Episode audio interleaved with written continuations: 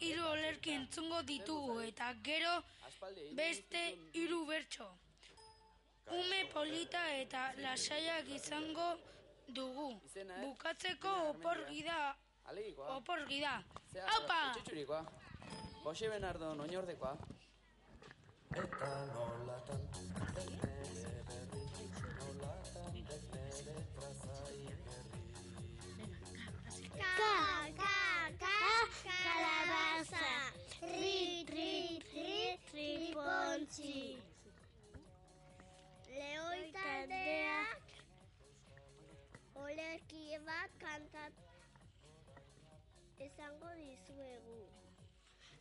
Mamamia mantzania, mendian gabiltza bila eta bila.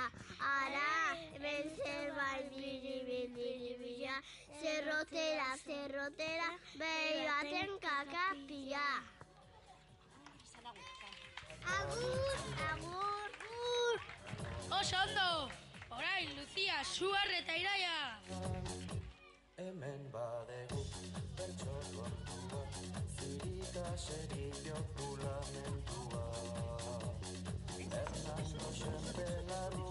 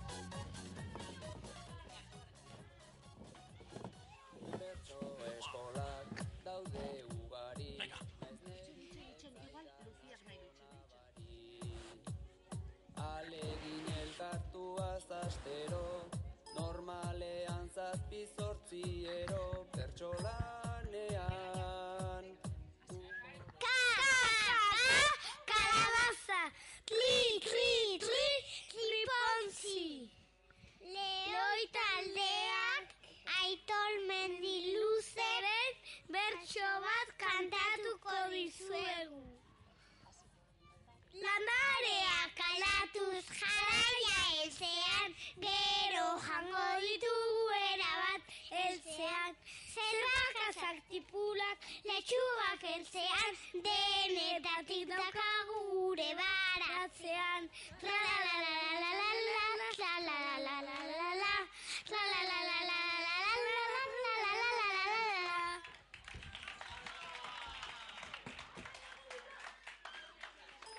Oso ondo! Orain, urrats, Jon Etxeberria eta Harri!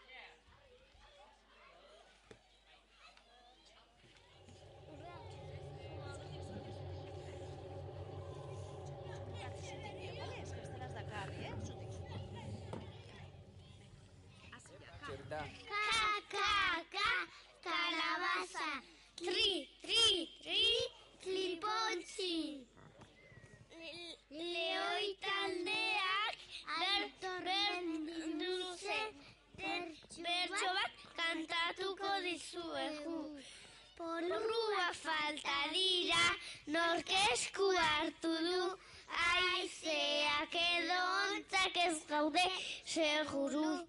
Baina denetarako gauden ez gertugu, porruen ordez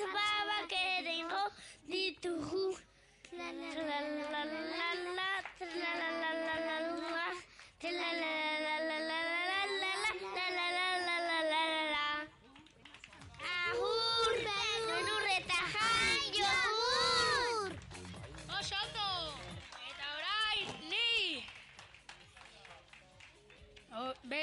olerki bat. Sagar gorri, sagar hori, barruan duzu zuri zuri, gozo gozoa, bizi bizia, azala mamia eta hazia.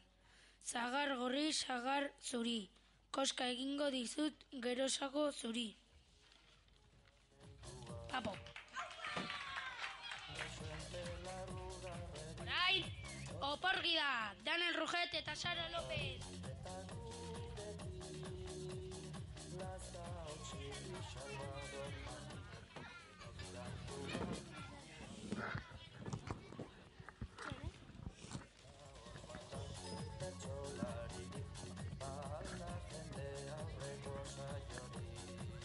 Kaixo, Danel. Kaixo, Sara. Badakizu Gipuzkoa ego Euskal Herrian dagoela? Bai, eta gainera historikoki Euskaldunen eta Euskararen lurraldea da. Gipuzkoaren hiriburua Donostia da. Gipuzkoako azalera 2000 berraun da mazazpi kilometro karratukoa da, eta beztanleria zazpiron da malau mila iruraun da irurogei. Asmatu, zein da hiri handiena eta txikiena? Uste dut badakitela. Donostia handiena eta txikiena... Ai, azte egin zait. Ah, ez badakit, baliarrain da. Gipuzkoako ekonomia bigarren sektoreak du garrantzirik handiena. Tailer eta fabrika asko dagoelako. Bai, naiz eta hirugarren sektoreak turismoak gero eta indara handiagoa duen. Baina lehen sektoreak ere badu indarra, batez ere barnealdeko eskualdeetan. Nekazaritza asko egiten da, eta itxasaldean arrantza asko. Ze klima dago Gipuzkoan? Uste dut klima atlantikoa duela, baina temperatura eta prezipitazioarena ezakit nola doan. Nik bai, temperatura epelak eta prezipitazioa ugari egoten da urte osoan zehar. Aproposena da Gipuzkoara udaran joatea. Herri gotxiago eta eguzki gehiago dagoelako. Daniel, badakizu zeintzuk diren Gipuzkoako ondartza ezagunenak? Bai, ezagunenak ondarreta, lakontxa, zurriola, itzurun eta saturraren dira. Baina baita ere, uarte bat dago, Santa Clara ditzen dena donostian. Normalean, olatuak ez dira oso handiak, baina egeldoko agitira joaten baldin bazara, goitik bera usteko zara. Gipuzkoako kosta oso ondo dago udan surf ikastaroak egiteko. Hemen dituz adibide batzuk.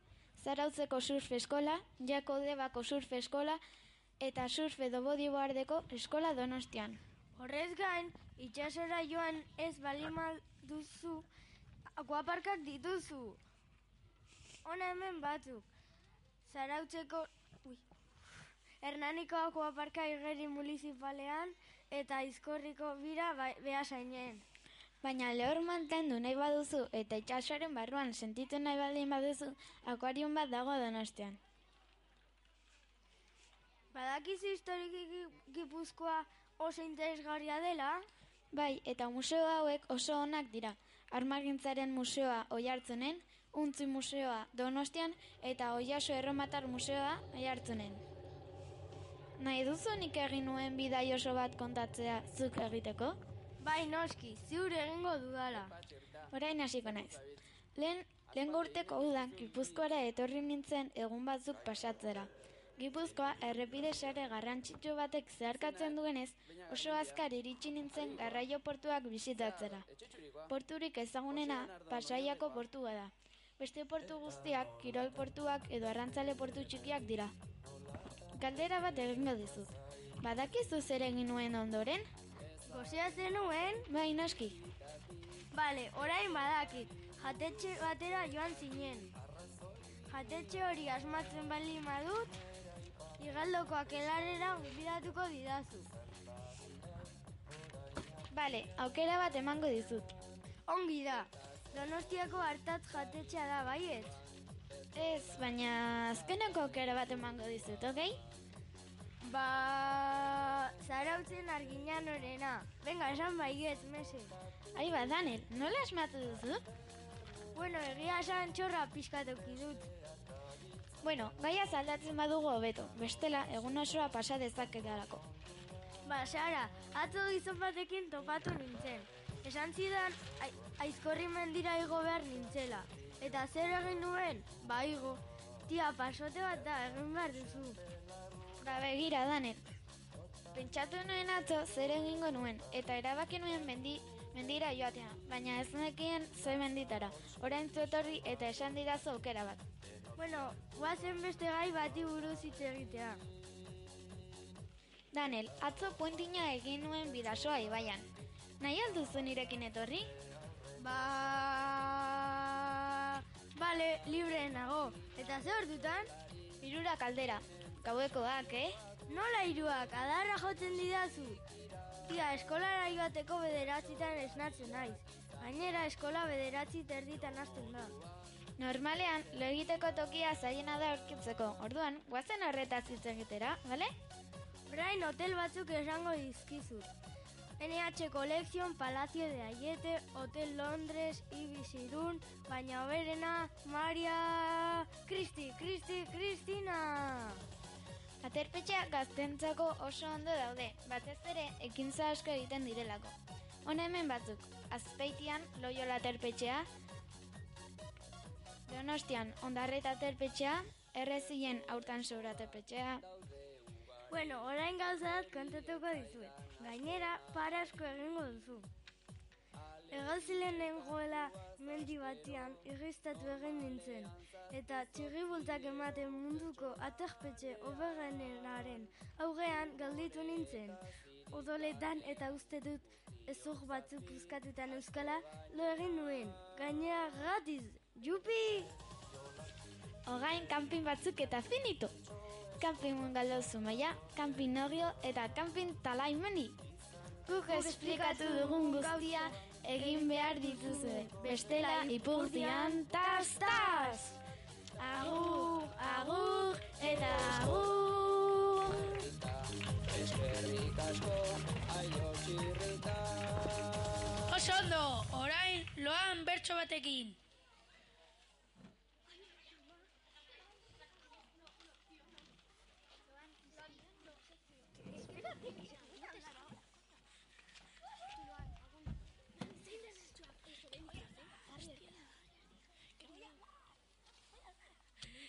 Kaixo, gaur bertxoi buruz hitz egingo dizuet. Bertxak luzeerarekin eta zabalerarekin neurtzen dira. Bertxo bat egiteko bukaeratik hasi behar da, eta bukaeran zure mezua edo zer esan nahi duzun jartzen da. Luzera oinaka neurtzen da, oinak errima dira. Bi lerroz behin jartzen da oina, eta azkeneko hitza da. Bi oin baditu kopla bat da, eta lau oin baditu zortzikoa da. Zabalera silabaka neurtzen da. Lerro batean zazpi silaba eta hurrengoan sei silaba badaude txikia deitzen zaio.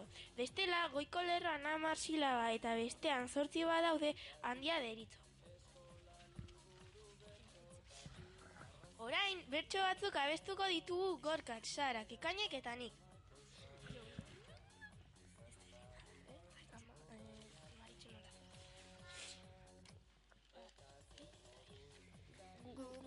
Bertsoak egiten zein ondo gabiltzan eta jende aurreko prestatzen bizitzan. Nahi dugun erbioak kentzeko gai izan, ondo pasa nahi dugu guk bertsolaritzan. Antzokian beldurrik gabe lasai jardun, erdi malandu eta ikasi ditzagun. Bertsoak abestuak gu gau eta egun gure euskara maila hobetu dezagun. Gure euskara maila orain dago osten asko ikasten dugu irratia iten. Agur! Bueno, hemen bukatzen da nere saioa. Agur! Eta hor batan bertsolaririk Bala jende aurreko saiori Badaude makina bertsolari Denentza saioa gutxiegi Baina zikira Bertsolariak izan badira